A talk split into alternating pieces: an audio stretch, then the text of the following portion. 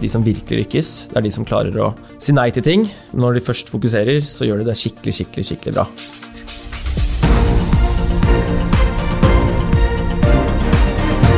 Dette er All In med Oslo Business Forum. Velkommen til podkast nummer 20, og til mine to gjester gratulerer med femårsjubileum. Og Oslo Business Forum er altså fem år, og ifølge SSB så er jo det et sånn kritisk milepælspunkt. Nå vet jeg ikke om de har tenkt så veldig mye på det, men det er altså et målepunkt for å se om eh, aksjeselskaper har overlevd, og det har jo Walkover, eller Oslo Business Forum, gjort. Vi skal snakke litt om det, for vi har historie sammen. Marius Rødvang og Kristoffer Romberg og programlederen. Som team så ønsker de å utfordre status quo, og det, det, har de både vært i sin markedsføring og sin kommunikasjon for å spre kunnskapspåfyll i en usikker tid.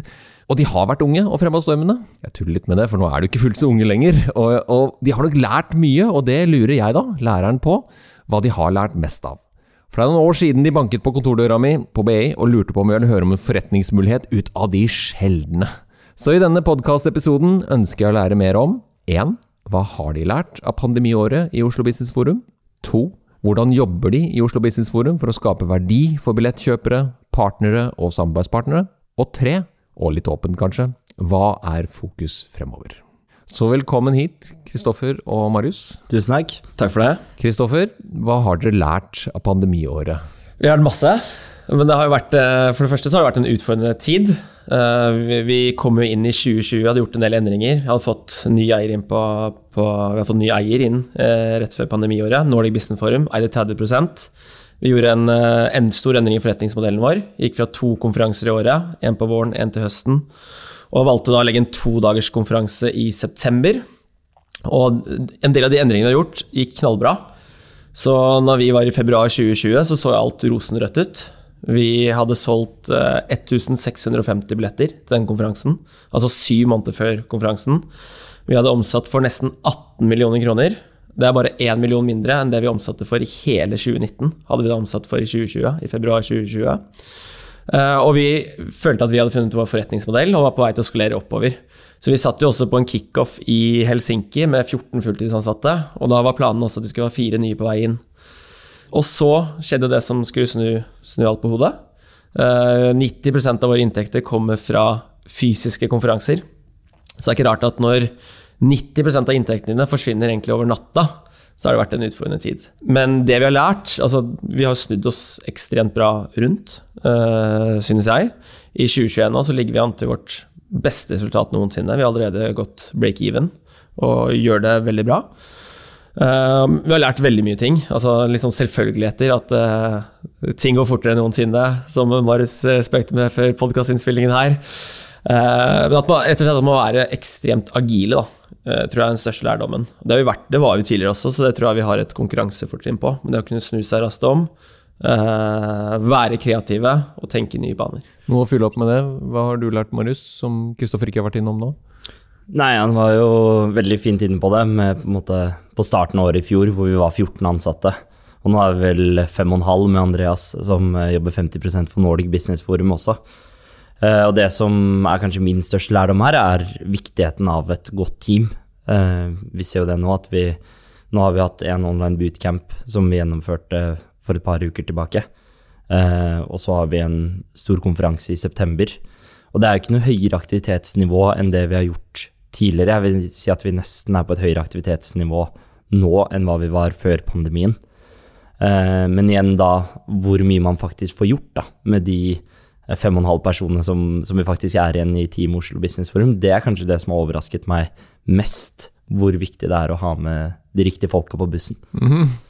Har du noen gang vært inne på tanken å gi opp i, det, i, den perioden som har gått? Med all den motstanden som kom, og all usikkerheten og all støyen? da? Jeg kan bare svare på vegne av meg selv. Jeg har aldri, vært, aldri vurdert å gi opp. Aldri vurdert. Eh, jeg tror faktisk jeg har aldri vært så motivert som jeg var den første måneden eller to etter koronaen. Fordi jeg tror også at jeg er en type som trives nesten litt av at det er usikkerhet, og at det er ting som skjer. da. Så man får en sånn utfordring i fanget, så tenker jeg nå må vi bare opp i ringa, nå, nå må vi gjøre noe raskt, nå må vi få, få, til ting.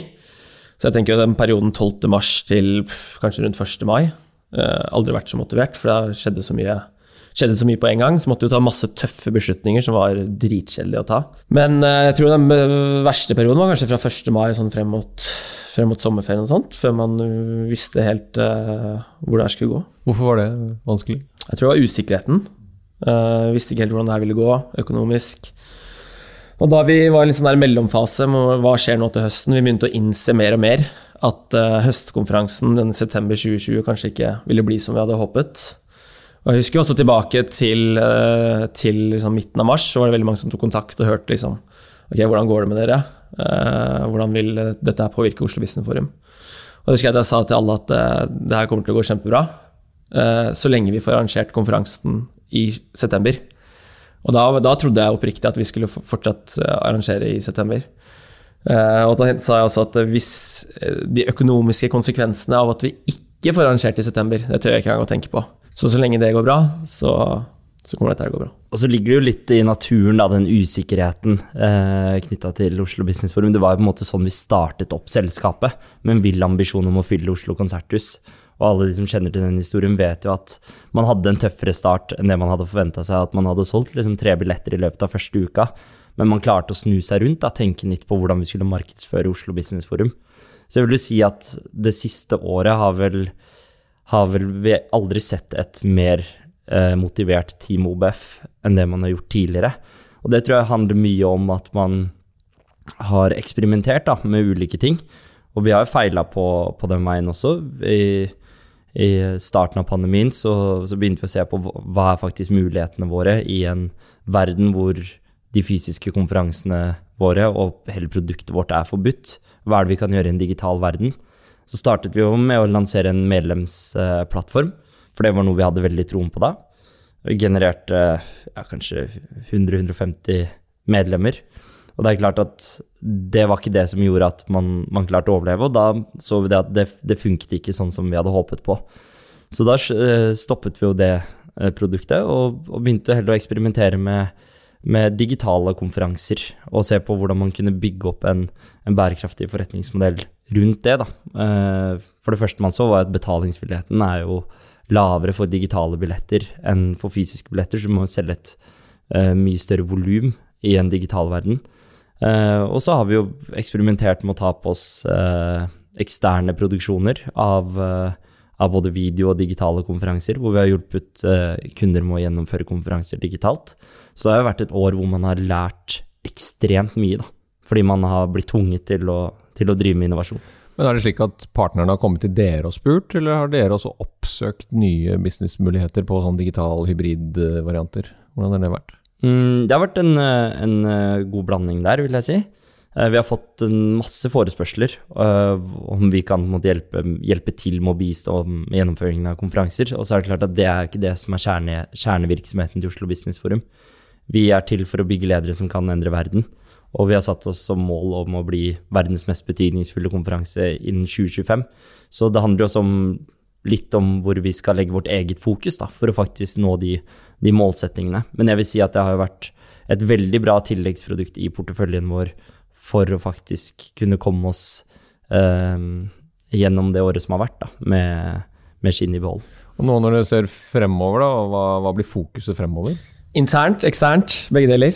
Ja, jeg opplever jo dere, jeg kjenner jo dere godt og har jo vært i styret deres og har vært med fra starten av, så jeg opplever jo dere som en litt sånn uoversiktlig materie å forholde seg til strategisk. Altså kommuniserer dere én ting den ene dagen, så kan du være ganske sikker på at dere gjør helt andre ting samtidig. Er det ikke litt riktig observert?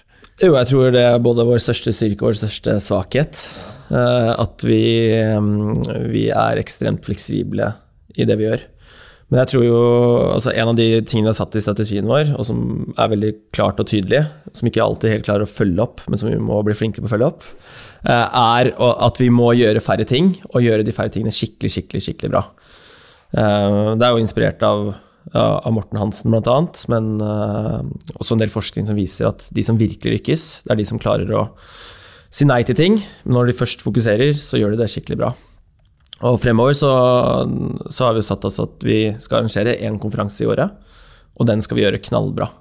Og jeg husker jo tidligere også, jeg har truffet veldig mange, mange, som har spurt meg herregud, hva gjør dere de 364 dagene ellers i året, når, når dere ikke arrangerer konferanse?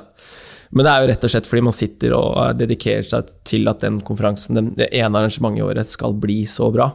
at når du som, eh, som næringslivsleder i norsk næringsliv, så vet du at når Oslo Business Forum kommer i slutten av september hvert eneste år, så er det første du skal huke av i kalenderen din.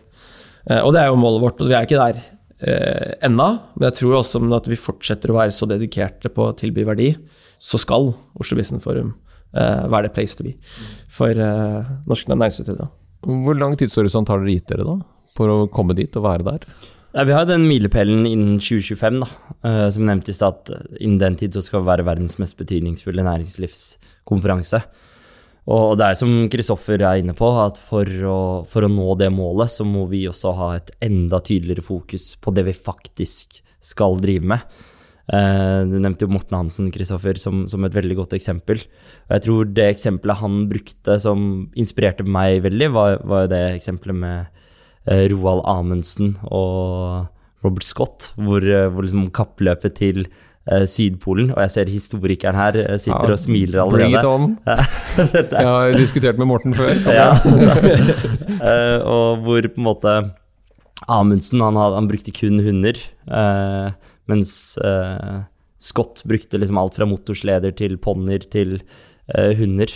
Og vi vet jo alle hvordan den historien der endte. Jeg vil si at historisk altså har kanskje Oslo Business Forum vært mer uh, Robert Falcon Scott, som har drevet med mye forskjellig. altså liksom Alt fra, fra produksjoner til uh, webinarer til konferanser. Så dere har hatt et veldig stort spenn.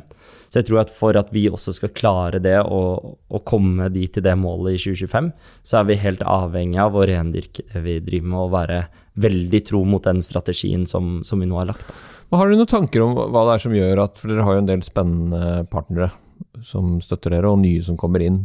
Uh, har, dere, har, dere, noen tanker om hvorfor folk vil assosieres med Oslo Business Forum? Hvorfor vil de det?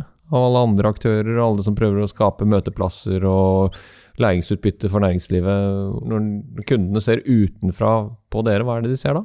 Jeg tror de ser at man, at man har klart å gjøre noe som kanskje ikke er så tradisjonelt da, i Norge. Det var jo litt sånn som når vi har eh, sett på hvem er de største konkurrentene til Oslo Business Forum, så er jo det mer konferanse på et, på et internasjonalt eh, nivå, rett og slett fordi man, man, har et veldig stort fokus på å hente inn de fremste ekspertene i, i verden på strategi, ledelse og innovasjon. Det er jo en av de største utgiftspostene på budsjettet vårt. Det er å, å hente inn verdens beste foredragsholdere på disse temaene her. Uh, og det er ikke så veldig mange i Norge som har akkurat den forretningsmodellen. Så, så vi tror liksom at de ser på det som, som, noe som kanskje er litt unikt, men også det at man treffer en, en veldig attraktiv målgruppe. Da. Det er klart at den, den, mest dyrebare tingen for ledere er jo tid. Um, så derfor prioriterer man også knallhardt på, på, hva man ønsker å bruke tiden sin på. Og, og derav så tror jeg også for mange at, at vi kan være en interessant partner da, for å faktisk uh, nå ut til den målgruppen. Har du noe data som understøtter akkurat dette? Vet vi, vet vi dette, eller tror vi dette? Ja, Du er veldig opptatt av tall. Ja, det er ikke alltid man kan bruke tall til, til alt, Tor. Ikke men, til alt, men, men du kan gi oss en pekepinn på om, om det stemmer, da. Nei, jeg, jeg, er litt enig med deg, Marius. Vi har ikke noe tall på det. Men, du, men, hvis han snakker med kundene sine, så tror jeg man får godt inntrykk av, av hva man mener. Uh, og det, det, de sier, er at de opplever Oslo Business Forum som innovative, nytenkende og utfordrende.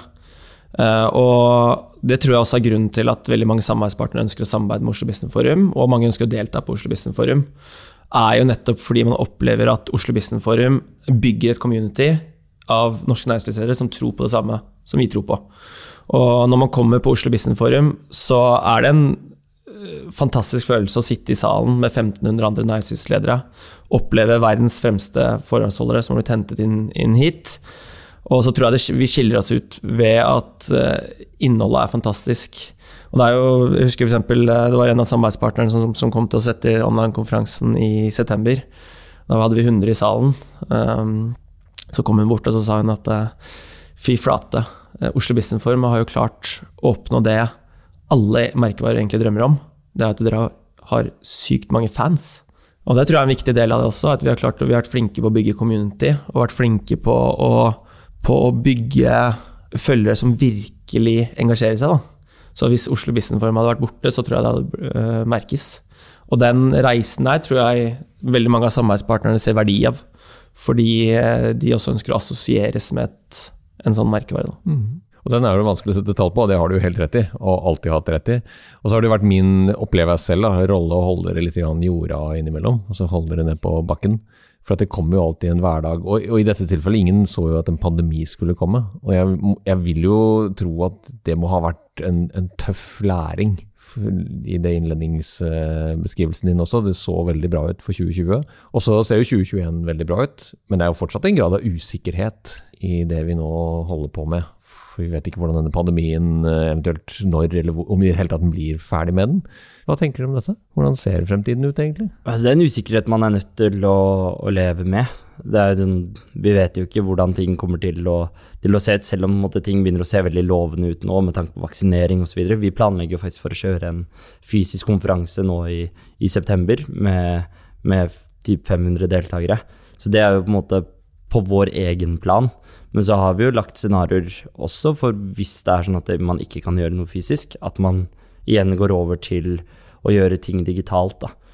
Eh, så, jeg vil si det at hvis man ser på uh, hvor mange som begynner å bli ganske lei av å sitte nå på, på hjemmekontor, uh, og mange som er lei av å bli invitert til den Teams-kaffen eller lignende, så, så, er det sånn at når du åpner opp igjen for å kunne dra på fysiske samlinger, så kommer folk til å være så sultne på å komme seg ut av hjemmekontoret, treffe andre mennesker. Eh, så, vi så det bare på den konferansen i, i, vi hadde i september i fjor. Vi hadde 70 mennesker i, i salen. Så var det en av deltakerne som kom bort til meg og sa fy søren, det smakte så utrolig godt med bagetter. Og det er sånn, er det én ting man kan banne på at man alltid får klage på på en konferanse, så er det maten. Og når vi da hadde enkle bagetter som servering, så gir det et så utrolig bra bilde på, på hvor keen man er på å komme ut av uh, hjemmekontoret sitt. Apropos tall, det ser vi tallene våre òg. Så bare den siste måneden så har vi solgt litt over 35 billetter til høsten. Så folk er klare for å delta på konferanser igjen. Og jeg tror også det vil være store muligheter for at det blir konferanse i september. Eh, det ser vi jo alle scenarioer som FHI har. Eh, så blir det eh, fysiske samlinger på et visst nivå. Er det én ting vi har lært, så er det selvfølgelig at, at ting endrer seg fort med pandemien. Og da er det jo For vår del er jo en viktig lærdom er å lage de scenarioene i forkant. Så når ting skjer, hvis ting hadde snudd over natta f.eks. Uh, i midten av august, da, at, vi, at, det skjer et eller annet som gjør at det endrer seg, så har vi allerede lagt de planene og kan eksekvere på det på en times tid. Fordi de er planene allerede lagt. Så hva kan eh, lytteren og lederen som hører på her, lære av Oslo Business Forum sitt eh, pandemiår, da? Marius først. Hva er takeawayen fra, fra innsiden av eh, operasjonssentralen og kommandosentralen i OBF? Jeg vil si litt jeg var inne på i stad, liksom den viktigheten av å, å, ha et godt team. Det tror jeg på en måte er fundamentalt for uansett hva du driver med. Men kanskje den agiliteten, da, altså muligheten til å snu seg om raskt, er jo det som i hvert fall for min egen del har vært den viktigste læringen. Å, å se på ja, mulighetsrommet ditt. Altså når du har et fysisk produkt, hva er det du kan gjøre i en digital verden? Um, jeg tror kanskje mye av det det handler om, og selvfølgelig er det vanskelig for mange bransjer. Som et flyselskap. Da. Det er vanskelig å digitalisere et flyselskap, fordi for å tjene penger så er det avhengig av at folk reiser.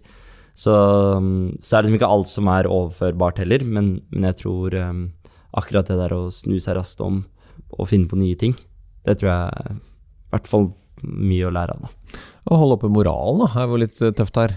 Det har dere gjort. Ja, men det, det vil jeg si har kommet fra innsiden av organisasjonen. Ah. At, eh, at, du liksom har ansatte som pusher på, da, og pusher Kristoffer og meg til å, å, gjøre nye ting, stå på at vi kommer til å få til det her.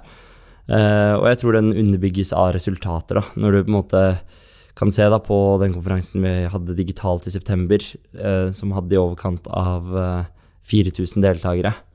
hvor vi i en fysisk verden har ligget på maksimalt 3000. Så, så gir det noen enorme muligheter da, når det kommer til det å nå ut til enda flere.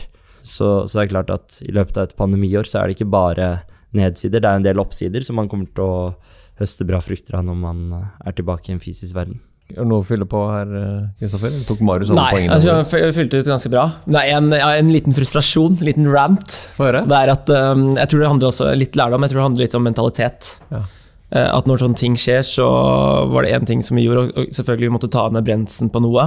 Men det var noe vi bare akselerte på som bare, bare det. Er det én ting jeg blir litt sånn frustrert over, er å lese i media over så mange som bare de har, jeg, jeg skal ikke nevne navn på hvilke selskaper det gjelder osv., men jeg har sett mange nå under pandemien som omtrent at syntes synes synd på seg sjæl og uh, fader, forretningsmodellen var ødelagt, nå trenger vi støttepakke, nå trenger vi hjelp, og det eneste er det de bruker tiden sin på, i hvert fall sånn jeg har en uh, hypotese om, omtrent å jobbe i lobbyen for å påvirke støttepakker og det som er. Altså, blir, det blir jeg skikkelig frustrert over. Altså, se, se dere selv i speilet. Tenk på liksom, hva er det vi kan gjøre annerledes? Hvordan er det vi kan bruke det her til vår fordel? Og, og så faktisk bruke det istedenfor å bruke tiden sin på på å få offentlige tilskudd og gjøre dette her. Da. Og selvfølgelig så skal de være til stede, for det er faktisk bransjer som sliter uh, enormt.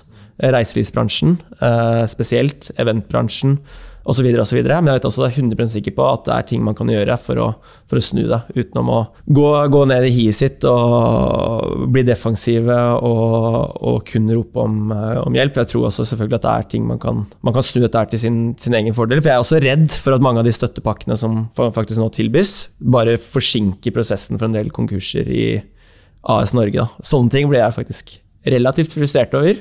Um, men det, det, tror jeg også Og så er det jo på den andre siden, så er jo, det gjelder kanskje en liten prosent.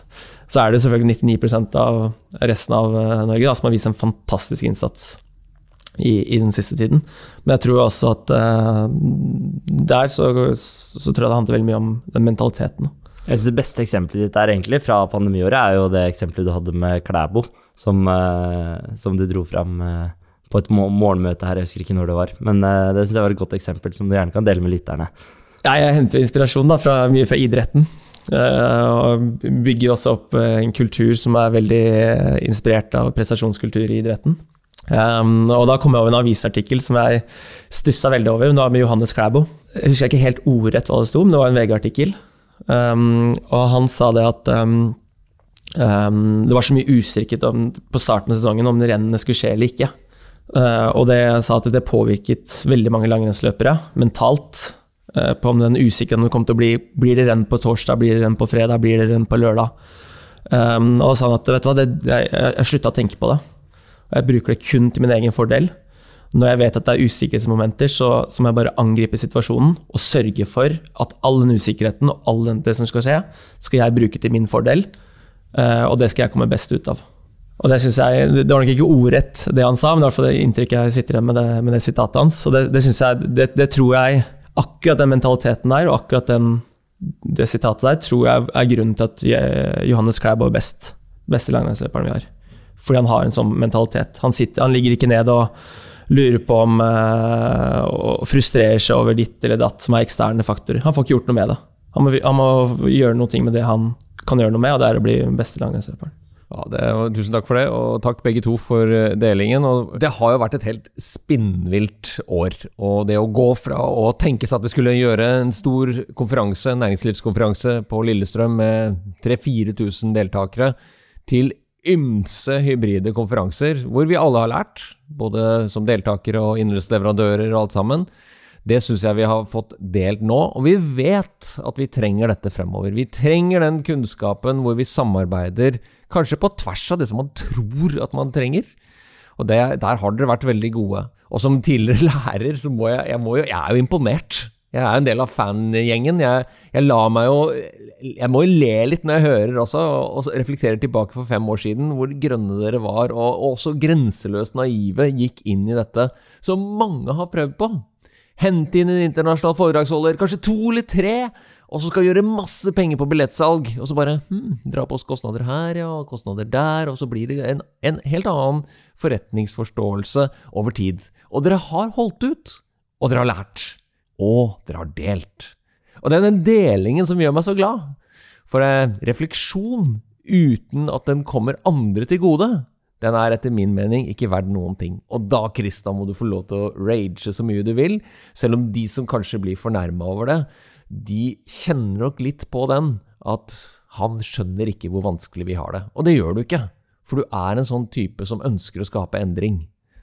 Og med det så ser jo jeg lyst på, jeg, 2024 eller 2025, hvor Oslo Business Forum fortsatt kommer til å være der og skape blest og oppmerksomhet. Og det håper jeg også at jeg får lov til å være med på, som jeg har vært fra starten av.